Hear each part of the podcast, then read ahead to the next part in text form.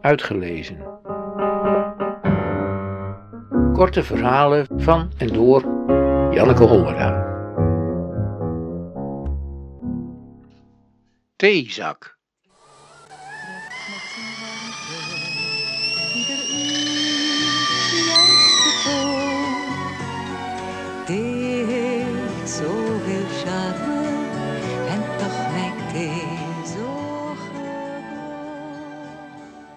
Gisteren wilde het theezakje van Pickwick weten wanneer ik voor het laatst had gehuild.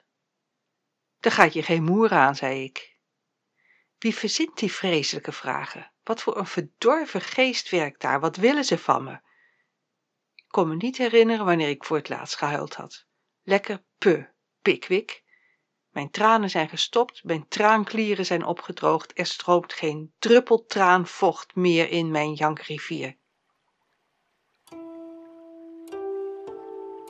Ik liep in alle vroegte langs de oevers van de Lie. Boven het water hing een flarde ochtendnevel. Het water was bruin, het stroomde snel. Midden op de rivier dreef een bootje met een visser. Er zat een aalscholver op de boeg met een touw op zijn poot en een lus om zijn nek, zodat hij de vissen die hij ving niet kon doorslikken. Aan de oever deed een oude man zijn was. Grote witte onderbroeken en ook de BH van zijn vrouw lagen op de rotsen. Op de kade stond iemand onbeweeglijk onder een parasol naar het water te kijken.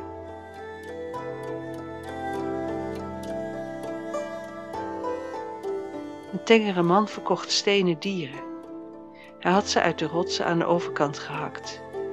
En hij had ze dagenlang gepolijst, tot ze de juiste vorm hadden, tot ze glommen en glansten. Hij sprenkelde er een beetje rivierwater overheen om me te laten zien hoe mooi van kleur ze waren. Ik kocht er een voor 50 yuan.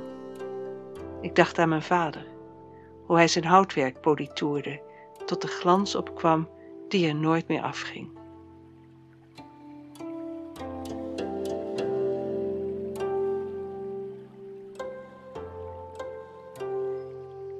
Vanmorgen wilde de theezak weten wanneer ik voor het laatst gelukkig was. Ik zei toen ik een ander merk thee had, toen ik zakjes had die gewoon deden wat ze moesten doen, roerloos in een pot hangen in plaats van van alles om te woelen, op te rakelen, overhoop te halen. Toen ik langs de oevers van de Lie liep, waar onder de platanen de Chinese vrouwen dansten, waar ik op een bankje neerstreek en klapte van blijdschap om hoe mooi ze bewogen en de vrouw naast me me een kopje Chinese thee aanbood. Toen.